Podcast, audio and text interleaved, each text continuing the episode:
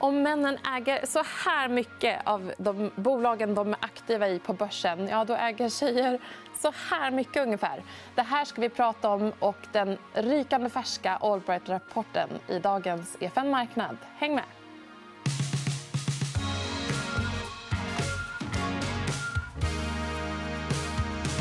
Med oss i studion har vi talesperson Maja Inkala. Varmt välkommen till det första EFN Marknad för dig. Ja, stort tack. Du har ju fått drömjobbet. Berätta, eh, hur hamnade du i den här rollen? Ja, men jag har varit på Allbright i ungefär tre år. Eh, men, och jag har skrivit våra rapporter de senaste tre åren också. Så att jag är väldigt insyltad i allt det här som vi håller på med inom vårt opinionsbildande arbete. Och nu fick jag chansen att vara talesperson det här året. Och då tänkte jag ja, varför inte? Vi provar. Ja, men, drömmen att få kliva fram och berätta om det man har jobbat med. Absolut. Och sen har vi också med oss Anders Eriksson som är marknadsplatschef för Spotlight. Och, eh, det är ju lite komiskt ändå ja. med tanke på att eh, Anders är ju det vanligaste vd-namnet eh, på yes. börsen. Så Anders yes. på börsen. Precis, så kan man säga. Så kan man sammanfatta mig. Ja. Varmt välkommen hit. Tack. Eh, du har ju faktiskt fått tilldelat att läsa igenom Allbright-rapporten. här. Ja. Någon spontan reaktion? Nej, men jag, jag, är också väldigt förvånad över att kvinnor bara äger 1 av, av kapitalet i de bolag eh, som de är verksamma i. Det, det, det, är det som jag tycker sticker ut väldigt, väldigt mycket. Sen är det kul att det går åt rätt håll eh, när det gäller mycket annat, men det går ju alldeles för långsamt. Mm. Och det är ju då ut, utav eh, ägandet ledningsgrupperna som har studerats och 99% ägs av männen i ledningsgrupper i de bolagen som de är verksamma i medan kvinnors motsvarande ägarandel är 1 eh, Berätta, Maja, hur dina tankar runt att det ser ut så här. Mm. Ja, men det första jag kan säga är väl att man kanske inte är chockerad över nivån. Eh, för att Så har det ju sett ut historiskt. Kvinnor har inte ägt i lika stor utsträckning som män. Men det som jag chockeras över är den totala bristen på utveckling. Att Vi ser att kvinnor ändå tar mer plats på vd-poster och i ledningsgrupper och i styrelser. Men när det kommer till ägandet så är det fortfarande i princip bara män som äger. Och när vi gjorde en lite djupare analys kring varför det ser ut så här så kunde vi se att de som faktiskt toppar listan över de som har störst eh, ägande eh, genom aktier i det egna bolaget det är personer som har grundat ett bolag och sen har fortsatt som vd vid en börsnotering.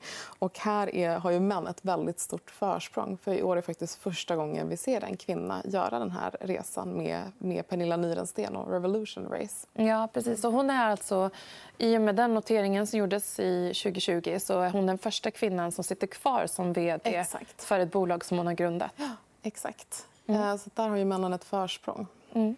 Eh, Anders, yes. eh, blev du förvånad? Eller du sa ju det ja, jag, initialt. Också. Ja, väldigt förvånad. För det är även i och med att många av de här bolagen är ju ändå stora bolag eh, på Nasdaqs reglerad marknad och där alla ledningsgrupper eh, högre befattningshavare har ju oftast optionsprogram och aktier. Så att jag förstår inte riktigt att, att, eh, att det ser ut så. Att det borde vara mer än 1% För Sen förstår jag, precis som du säger, det här att, att grundaren, om grundaren är den som, som noterar och sitter kvar både som, i styrelse och kanske som vd det får ju de äger oftast väldigt, väldigt mycket av bolagen, så det får ju en stor genomslag. Men 1% tycker jag är väldigt lågt. Mm. Och det blev jag väldigt förvånad över. Men hur jobbar ni då utifrån börser? Och hur tror du kanske att morgondagens börs kommer jobba med den här typen av frågor?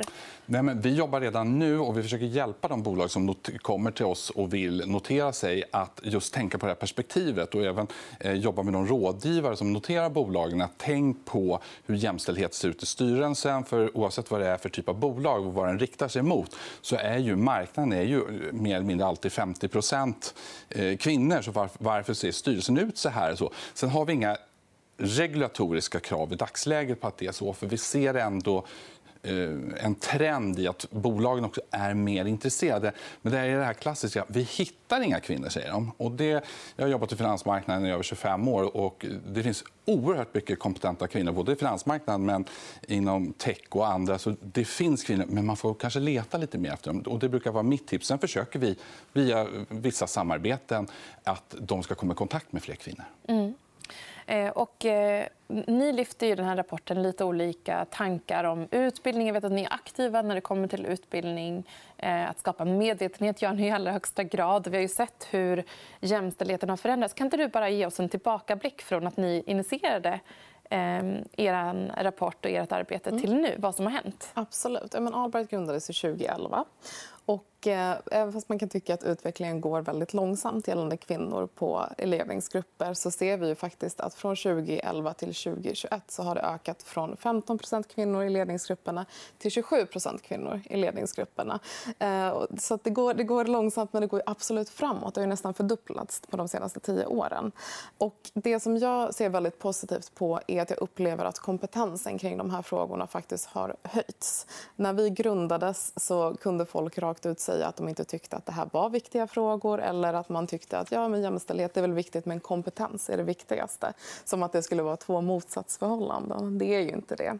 Eh, nu så, de flesta bolag som vi kommer i kontakt med vill ju faktiskt jobba med de här frågorna men då så hör man istället av sig och frågar hur. Vad är det som faktiskt funkar?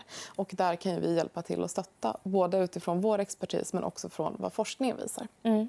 Jag, tycker, jag träffade på ett bolag som hade en lite spännande modell de jobbar med en, att de tillsätter en, mångfald, en, en styrelse som är är liksom byggd på mångfald som får gå vid sidan om den andra styrelsen mm. eh, och liksom ge råd och så vidare. Mm. Och så kan man liksom jämföra de här två resultaten. Då egentligen. Vad spännande. Eller hur? Ja. Det är ett nytt initiativ. Som, eh, men har ni nåt annat tips, kanske du Anders, också på hur vi kan eh, aktivt jobba framåt för att, eh, för att skapa en inkluderande finansmarknad. Mm.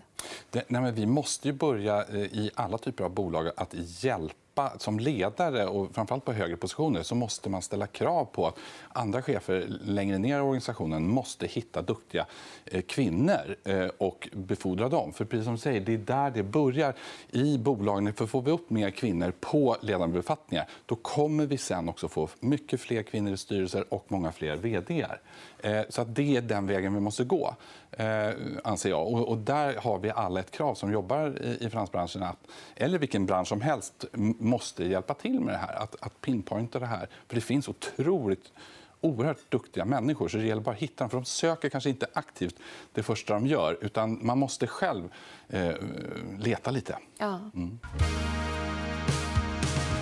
Men där så visar också rapporten väldigt intressant data. Kanske inte jättestor överraskning på vad kvinnor har för typer av roller också när, det kommer, när man väl kommer upp i en organisation och får ett, liksom en ledar, ledartröja. Mm. Eh, berätta, Maja, om, om den här eh, ja, fällan, kanske man eh, kan, skulle kunna säga också. Kvinnofälla kan man nog absolut säga. Nej, men det vi ser jättetydligt är att även om kvinnorna i stort ökar i börsens ledningsgrupper så finns det en väldigt tydlig fördelning gällande vilken sorts roller kvinnor respektive män går till.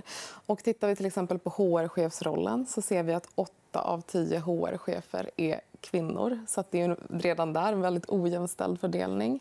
Tittar vi exempelvis på vd-roller så ser vi att eh, sju av åtta vd är män. Så det är väldigt tydligt avgränsat inom det svenska näringslivet.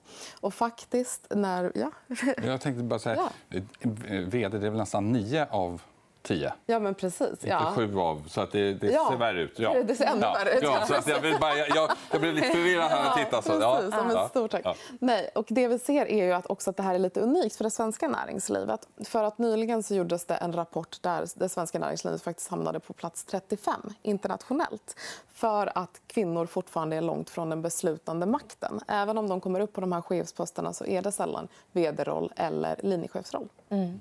Och eh, styrelsearbetet så kanske vi har halkat efter lite i relation till andra länder som har kvoterat. Då, kan jag tänka mig, exempelvis, där man får upp den siffran. Men däremot så såg jag exempelvis i Norge har man kvoterat in styrelse, eh, kvinnor i styrelsen på, på den större börsen. Men man har däremot en lägre siffra när det kommer till kvinnliga vd. Där, för det ökar ju ändå.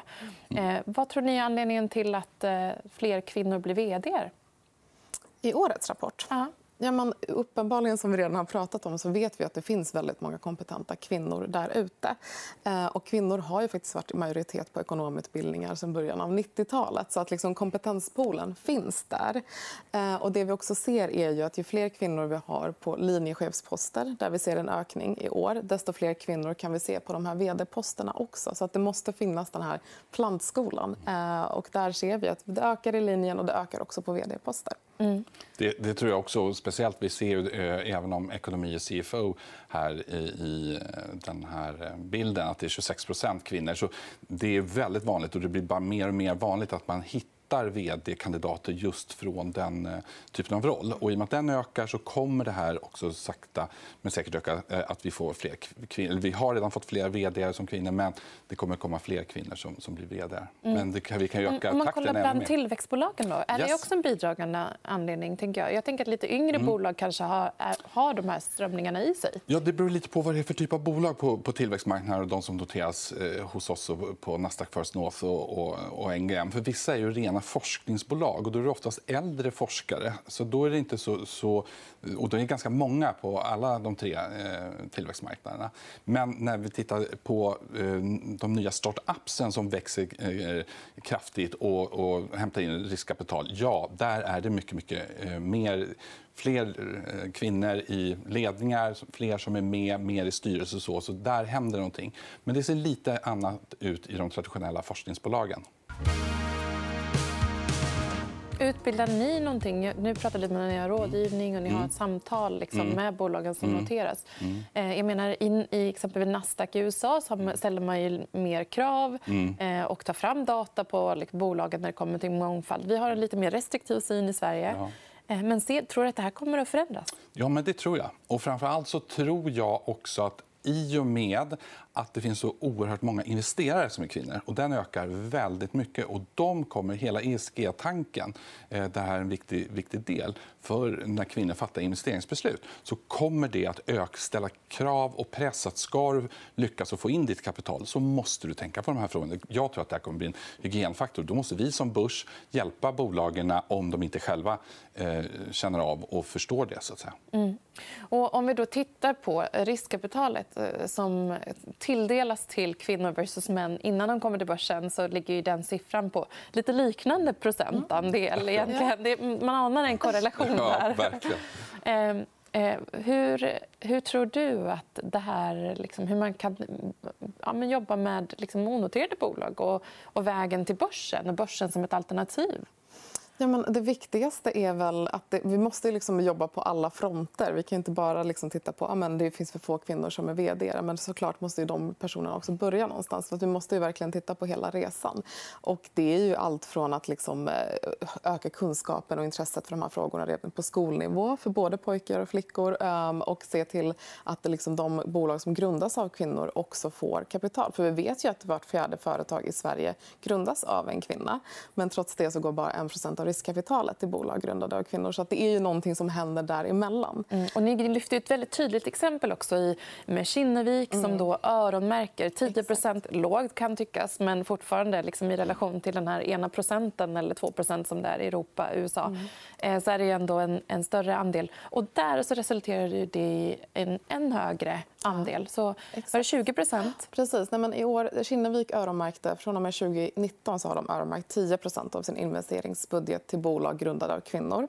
Och I år så har 20% av investeringarna gått till bolag grundade av kvinnor. Och Kinnevik är väldigt tydliga med att det är inget välgörenhetsprojekt utan de är helt övertygade om att jämställdhet och mångfald är affärsviktiga frågor och därför ställer de också de kraven på sina portföljbolag. Eh, och de vill också visa goda exempel. att Vi vill investera i bolag grundade av kvinnor som också går bra, vilket de har lyckats med. Mm. Om man tittar på eh, er rapport så kommer ni ju alltid med en uppdaterad grön, eh, gul och röd lista.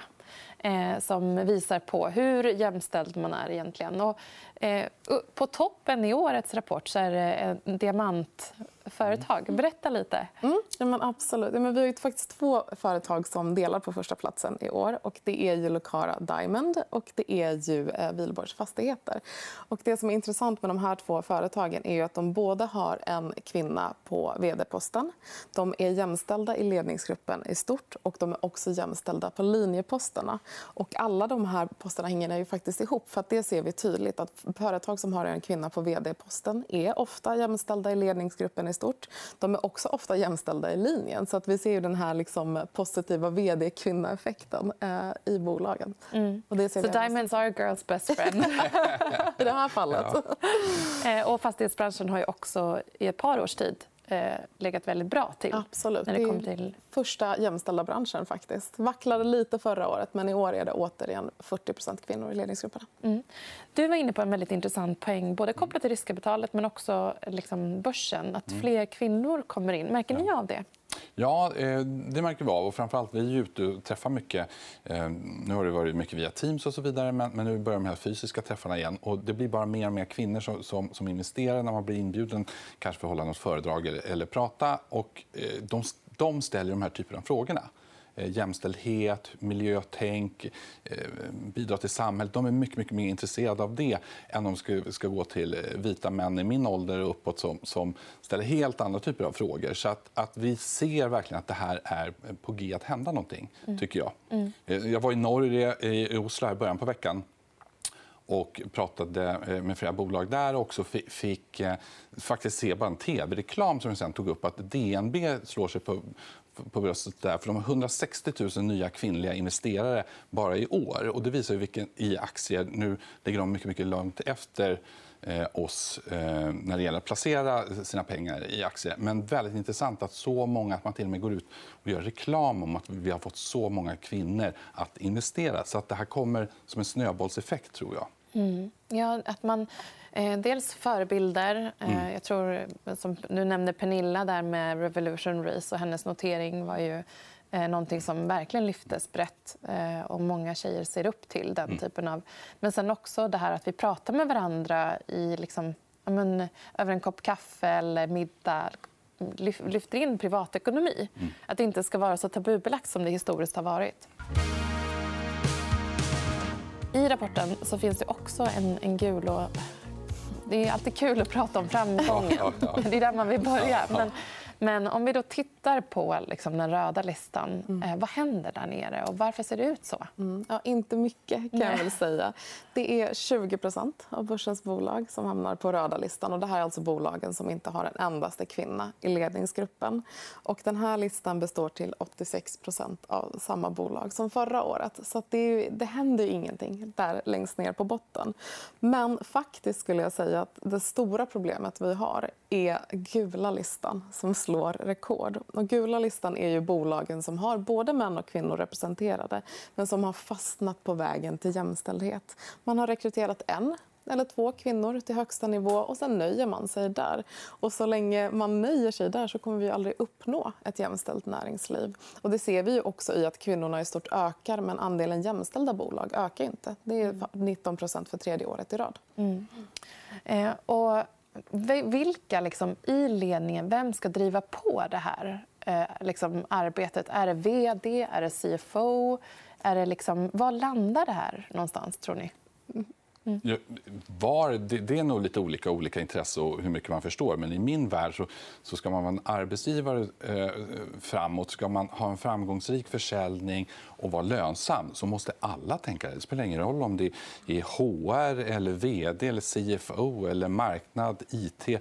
Alla måste tänka det här. Och sen behöver kanske alla inte kunna lika mycket men man måste ha in det på agendan och diskussion runt det. Mm. Absolut. och Där vill jag också så här eh, sticka in att vd också måste vara huvudansvarig. För Det som vi ofta ser i och med att 8 av 10 HR-chefer är kvinnor är att vi ofta träffar jätteengagerade HR-personer eller personer i kvinnliga nätverk, mångfaldsgrupper. De har stort engagemang, stor kunskap, inga pengar, inga mandat att förändra någonting. Så att därför måste vd vara huvudansvarig för att visa att det här är något som är viktigt för hela företaget. Inte bara för en fråga för kvinnoriteter, eller kvinnoriteter, kvinnor och minoriteter. Vi kan, vi kan, vi kan summerar det så, tycker jag. Det var bra. Nej, men jag håller verkligen med. Och det spelar ingen roll om, oavsett om det är jämställd eller miljö eller vad det än är. Mm. Som vd så måste man ta det yttersta Absolut. ansvaret och driva på. Sen kan han eller hon inte göra allt. Men om alla börjar göra göret så kommer det bli så mycket, mycket, mycket bättre. Men han eller hon måste vara ansvarig, för annars kommer det aldrig ske. Och det spelar ingen roll vilken fråga det än är. Tror du att det kommer vara så att vi även kommer att kunna liksom räkna på men exempelvis då mångfald i, i, en, eh, i bolagen som är noterade? Att vi kommer ha den typen av data? Det tror jag kan bli svårt i Sverige. Det är mycket, mycket enklare. Det, det kan du säkert bättre än mig. Men som i USA, för där räknar du etnicitet mycket. Eh, det står inskrivet i ditt pass, det finns offentliga uppgifter och så. Det har inte vi på samma sätt eh, statistik på i Sverige. Så det är väldigt svårt att, att få eh, reda på. Eller har jag fel eller har jag rätt? Ja, men vi, vi skulle ju önska att det fanns statistik på fler. För att Vi har ju väldigt stort fokus på jämställdhet i den här rapporten. för att Det är det som är mätbart. Och Det är det som, som data som går att samla in och som är offentlig. Men vi vet ju att det inte bara är kvinnor som är underrepresenterade på ledande positioner. Det finns ju även personer med utländsk bakgrund. till exempel. Men den datan är mycket svårare att få tag på. Så att vi skulle ju önska att, eh, att det fanns mer mätbarhet. För Ju mer man kan belysa, desto mer kan man förändra. också. Så om man då tittar framåt eh, liksom inför kommande år, vad är dina liksom, topppunkter? på så här, Det här måste vi prioritera liksom, som näringsliv, vd oavsett vilken roll vi har. egentligen. Mm. Ja, men där är det just de här bolagen på gula listan som jag liksom vill bara ta i kragen. Att bara, det här räcker inte. Det räcker inte med att rekrytera in en kvinna i ledande position. För Det vi också ser i såna grupper är att då ökar risken att den här personen bara ses som kvinnan i gruppen istället för att ses på sin kompetens. Och Om vi faktiskt vill ha de här affärsdelarna av eh, mångfald som många pratar om, att man vill ha ökad innovation och kreativitet, då måste vi också ha en blandning. Inte en alibi-kvinna som sitter i ledningen. Så att det är det. Att nu måste vi förstå att det här är frågor alla måste jobba med och att det finns ett affärsvärde bakom. Mm. Anders, har du någon kommentar där? Ja, jag håller bara med. Det, vi måste jobba med frågan på ett mycket bredare, bredare front. Och, och återigen, man kan inte nöja sig med att det var ingen kvinna som sökte tjänsten så jag väljer en man av de här 22. eller vad det nu kan vara. Utan då har man antingen fel på annonsen, fel urvalsprocess eller någonting. Så då får man hitta två, tre kandidater, duktiga tjejer och kvinnor som ställs mot de här grabbarna eh, och männen. För då tror jag att det här kommer förändra sig. När kommer nästa Allbright-rapport? Nästa Allbright-rapport kommer nästa höst. Men redan i vår kommer vi ju granska en bransch där vi gör ett litet djupdyk. Så att i, I vår kan man också hålla utkik. Tack så jättemycket, Maja och Anders, för att ni var med i dagens EFN Marknad.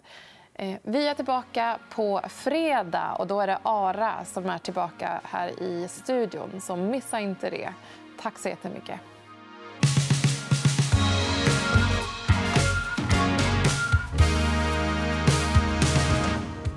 EFN Marknad är en podcast från EFN Ekonomikanalen. Ansvarig utgivare är Anna Fagerström. EFN finns även som app. Där hittar du alla våra videoinslag som hjälper dig att göra det bästa av din ekonomi. Du hittar appen i App Store och Google Play.